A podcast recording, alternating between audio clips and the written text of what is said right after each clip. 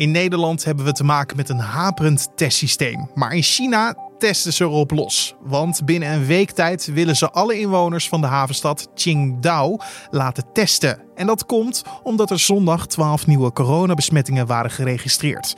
Dus nu maken de wattenstaafjes overuren, want ruim 9 miljoen mensen moeten worden getest. Dit wordt het nieuws. Maar de bereidheid van de bevolking zelf die is daar natuurlijk ook veel groter dan hier. Het gevoel voor urgentie is daar veel hoger dan hier. En dat betekent dat, eh, dat als je zegt, wij moeten in een paar dagen 9 miljoen mensen testen. Nou, die gaan allemaal keurig eh, in de rij staan wanneer ze verwacht worden. We gaan straks praten over hoe China het virus buiten de deur wil houden en hoe groot het verschil is tussen hun aanpak en die van ons. Dat gaan we vragen aan China-deskundige Fred Sengers. Maar eerst kijken we kort naar het belangrijkste nieuws van nu. Mijn naam is Carne van der Brink en het is vandaag 13 oktober. En je luistert naar de Dit wordt het nieuws middagpodcast. Er zijn afgelopen week ruim 40.000 positieve coronatests geregistreerd. Een stijging van 62% ten opzichte van een week eerder. Uit de wekelijkse cijfers blijkt daarnaast dat nog eens 150 Nederlanders zijn overleden aan COVID-19. Dat is fors meer dan de 89 corona-gerelateerde sterfgevallen van een week eerder. Ook het aantal ziekenhuisopnames steeg flink ten opzichte van een week eerder. Het RIVM registreerde rond de 450 meldingen tegenover de ruim 300 in de voorgaande week. Bij jonge, ongeneeslijke zieke kinderen moet de actieve levensbeëindiging mogelijk gemaakt worden. Dat schrijft minister Hugo de Jonge van Volksgezondheid, Welzijn en Sport in een Kamerbrief. Het besluit gaat over 1 tot 12-jarige kinderen. Nu is er alleen iets geregeld voor kinderen vanaf 12 jaar en voor baby's tot 1 jaar. Voor de groep jonge kinderen in de tussenliggende leeftijden ontbrak nog een duidelijk beleid. Volgens de jongen zouden er momenteel 5 tot 10 kinderen per jaar onnodig lijden zonder dat er perspectief is op verbetering omdat de centrale examens dit jaar vanwege de coronacrisis niet doorgingen, zijn er meer scholieren op het voortgezet onderwijs geslaagd dan vorig jaar. In 2019 slaagde gemiddeld 92% van alle middelbare scholieren. Dit jaar was dat bijna 99%. Zo meldt het ministerie van Onderwijs. In plaats van centraal examen te doen, haalden de leerlingen hun diploma op basis van schoolexamens en toetsen om de resultaten te verbeteren. De eindcijfers liggen ongeveer op hetzelfde niveau als in eerdere jaren. De politie heeft een 43-jarige man opgepakt die wordt verdacht van de mishandeling van een buschauffeur in de Noord-Brabantse plaats Dongen. De chauffeur werd vrijdag mishandeld nadat ze een passagier op had gewezen dat hij een mondkapje moest dragen. De verdachte werd aanvankelijk aangehouden op verdenking van winkeldiefstal, maar werd door een dienstdoende agent herkend als de mogelijke dader van de mishandeling. Dan gaan we het hebben over de massale testoperatie in de Chinese havenstad Qingdao. Door een lokale uitbraak van ongeveer 12 besmettingen is er besloten om alle inwoners van de stad te laten testen. Dat zijn er ruim 9 miljoen. Dat zou misschien volgens Nederlandse standaarden maanden duren, maar China verwacht dat ze binnen een week al klaar zijn.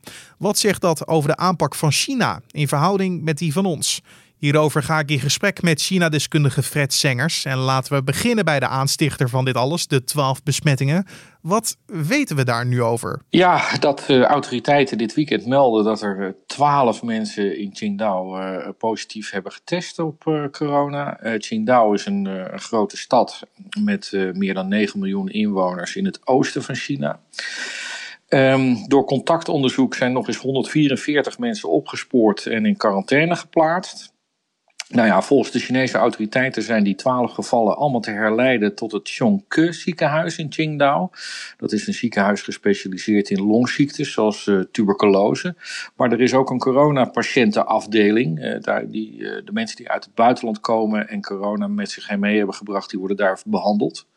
En het ziekenhuis is uit voorzorg gesloten. En de woongebouwen waar mensen wonen die besmet zijn, die zijn voor 14 dagen in quarantaine geplaatst. Dus dat geldt ook voor hun buren, zal ik maar zeggen. Maar dat was blijkbaar nog steeds niet genoeg, want uh, alle inwoners van Qingdao worden nu getest op corona. En ja, die testen die kennen we wel, met een uh, monster achter in de neus en de keel wat wordt uh, afgenomen. En het gaat dan om 9 miljoen mensen in 5 dagen. Nou, dat is natuurlijk niet te bevatten getal. Maar het kan blijkbaar wel. Ze zijn gisteren begonnen. Ze liggen op schema, want vandaag melden de autoriteiten in Qingdao dat er al 3 miljoen tests zijn afgenomen. 1 miljoen testresultaten zijn gereed en er zijn tot nu toe geen nieuwe besmettingen vastgesteld. Want als we dan kijken naar hoe China ervoor stond voor dit moment, hoe virusvrij was of is China dan? Ja, eigenlijk ging het best wel goed, want uh, het, het, aantal besmettingen wat, uh, wat iedere dag werd gemeld, dat is zeg maar op de vingers van een paar handen te tellen. En het ging ook eigenlijk altijd om uh, besmettingen die terug te leiden waren op Chinezen die uit het buitenland terug waren gekeerd. En dat maakt het nu natuurlijk ook anders, omdat het om lokale besmettingen gaat, dus die, die in Qingdao zelf zijn, zijn overgebracht. Dus de bezorgdheid van China draait op dit moment om het buitenland? Ja, dat kun je wel zeggen. Want de, het is natuurlijk allemaal begonnen, de ellende daar. Maar op dit moment is, is China een van de veiligste plekken op aarde wat, wat corona betreft. En het aantal doden wat, wat daar volgens de officiële cijfers tenminste is gevallen, is, is lager dan in Nederland. Maar in hoeverre is dat volgens jou denk je de echte waarheid? Of is het ook een soort propaganda van kijk hoe goed wij het doen? Ja, het is in het begin van, uh, van de uitbraak, dus, dus van begin dit jaar, sluit ik niet uit dat we uh, wel wat optimistische cijfers uh, gezien hebben. Dat, dat de omvang van de uitbraak misschien toch wat groter is geweest dan we op basis van de officiële cijfers mogen geloven. Uh, maar dat het momenteel heel goed gaat, ja, dat, dat, dat, dat ligt toch wel dicht bij de waarheid, denk ik. Want uh, wat anders uh, hadden we ook wel een ander beeld gezien. Kijk, we weten inmiddels natuurlijk veel meer van hoe die, die ziekte zich ontwikkelt dan, dan aan het begin van het jaar. En een van de dingen die we natuurlijk hebben geleerd is die, die exponentiële verspreiding. Dus als de Chinezen daarover zouden liegen, dan zouden ze het keihard terug hebben gekregen inmiddels. Maar nu dan een handjevol besmettingen, wat al zorgt voor drastische maatregelen. Het uh, laten testen van ruim 9 miljoen mensen. Uh, waarom die stap al? Ja, dat, dat vroeg ik me natuurlijk ook af. Want het lijkt haast wel een soort overreactie. Hè? Met, uh, met 12 besmettingen zo'n zo'n omvangrijk onderzoek opzetten.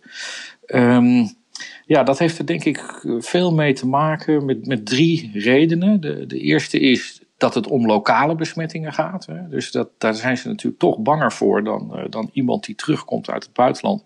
En die zich moet laten testen en in quarantaine gaat. Dus dat, dat kun je makkelijker in de gaten houden dan, uh, dan, dan dat, dat als het gewoon rondwaart in de, in de bevolking.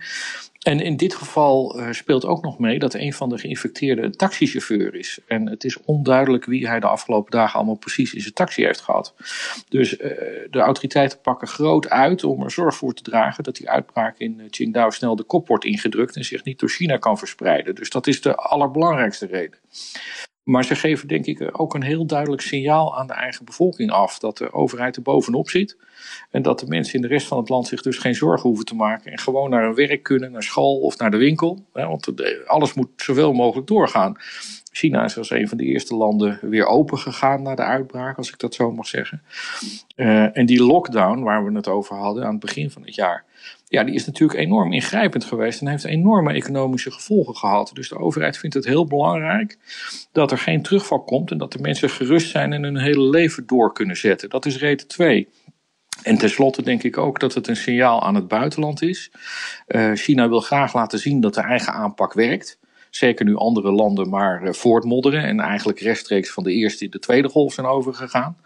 En, en China zegt hiermee in feite: het virus is dan weliswaar in Wuhan voor het eerst geconstateerd, maar we laten de wereld ook zien hoe je er korte metten mee maakt. En als je dat niet lukt, dan moet je niet bij ons zijn. Nee, want uh, dit is niet de eerste keer dat ze het zo groot aanpakken. Nee, we hebben natuurlijk een heel groot uh, onderzoek in Wuhan zelf gezien. Uh, dat, dat had natuurlijk ook een belangrijke symboolwaarde om, om uh, de mensen in het eigen land en in het buitenland te laten zien van dat, dat, dat in die, die brandhaard waar het allemaal begonnen was, dat, dat het virus daar verdwenen was. En we hebben ook wel wat, wat kleinere, ja, echt mini-uitbraakjes gehad. Dat er in een bepaalde stad een, een aantal gevallen tegelijk waren, die elkaar dan dus niet besmet hebben, maar toevallig allemaal uit het buitenland in, in een bepaalde stad zijn. Nou, je kunt je voorstellen bij die enorme miljoenen steden in China dat dat natuurlijk wel eens kan gebeuren. Ja, want om even duidelijk te zijn, in mei werden ruim 11 miljoen inwoners van de stad Wuhan getest om te kijken of uh, de virusuitbraak uh, onder controle was. Maar als we dan kijken naar de Chinese aanpak van deze coronacrisis, in hoeverre is hij te vergelijken met de Nederlandse? Nou, ik zou bijna zeggen dat dat onvergelijkbaar is.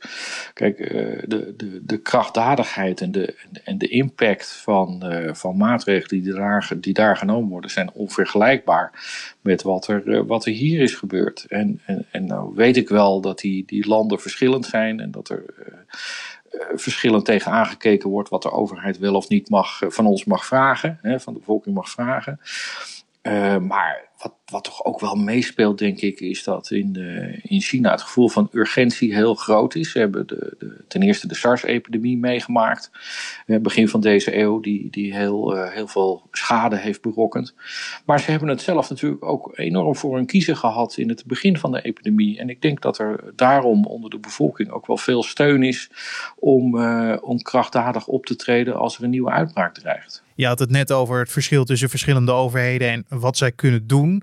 Uh, nou, ik kan me herinneren dat, dat, premier Rutte ooit zei dat hij niet wil dat Nederland verandert in een politiestaat. Uh, waar de overheid uh, hele zware regels oplegt of alles controleert.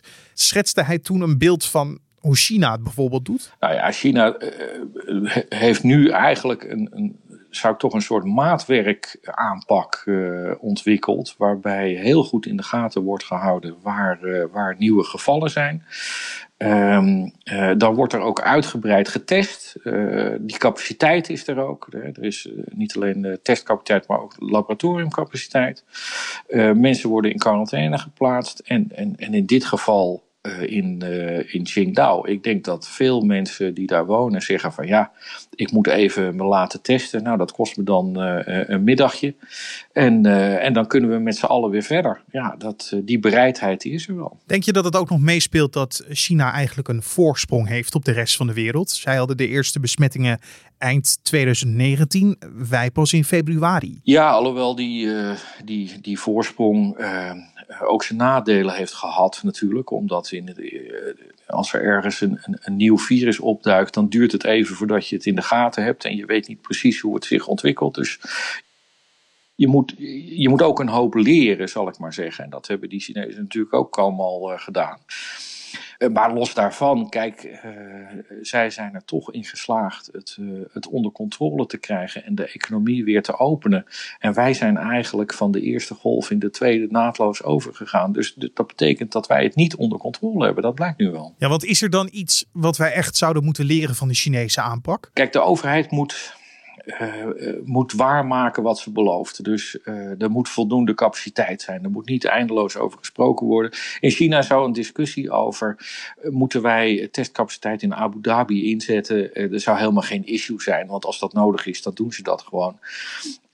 Dus, dus de overheid moet het voor elkaar hebben. Maar de bereidheid van de bevolking zelf, die is daar natuurlijk ook veel groter dan hier. Het gevoel voor urgentie is daar veel hoger dan hier. En dat betekent dat, dat als je zegt wij moeten in een paar dagen 9 miljoen mensen testen. Nou, die gaan allemaal keurig uh, in de rij staan uh, wanneer ze verwacht worden. Maar Fred, denk je dat we nog wel tijd hebben dan om uh, ons bij te laten scholen? Ja, ja, kijk, ik ben geen epidemioloog. Maar ik, ik zie natuurlijk ook met mijn eigen ogen hoe het, hoe het daar gaat en hoe het hier gaat. En, en, en je kunt je kunt er van alles van vinden van die Chinese aanpak. Je kunt er allerlei voorbehouden bij maken. Maar één ding moeten we met z'n allen wel constateren. En dat is dat het werkt. Dat was China-deskundige Fred Sengers. En dan het weer. Vanavond en vannacht is het wisselend bewolkt en nagenoeg droog. In opklaringen daalt het kwik naar lokaal 3 graden. Onder bewolking is het een stuk minder koud. Morgen neemt in de loop van de dag vanuit het oosten de bewolking toe. Op de Wadden valt lokaal een bui. S'avonds is in het oosten een spat regen mogelijk. En er waait een koude noordoostenwind, waardoor het kwik blijft steken op 11 of 12 graden.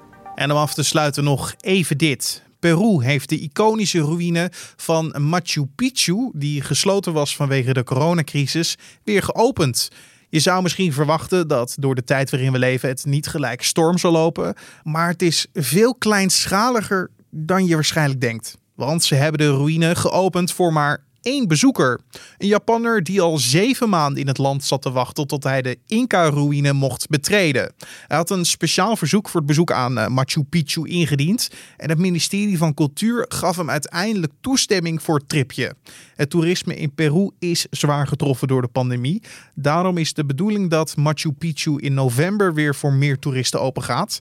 Maar deze man met het engelengeduld had alvast de primeur. En tot zover de Dit Wordt Het Nieuws podcast voor deze dinsdagmiddag 13 oktober.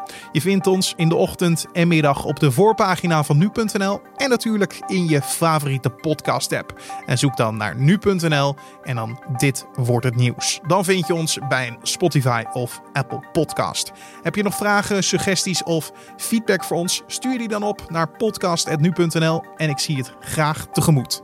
Mijn naam is Carne van der Brink. Ik dank je hartelijk voor het luisteren naar deze podcast. En graag hoop ik dat je de volgende keer er ook weer bij bent.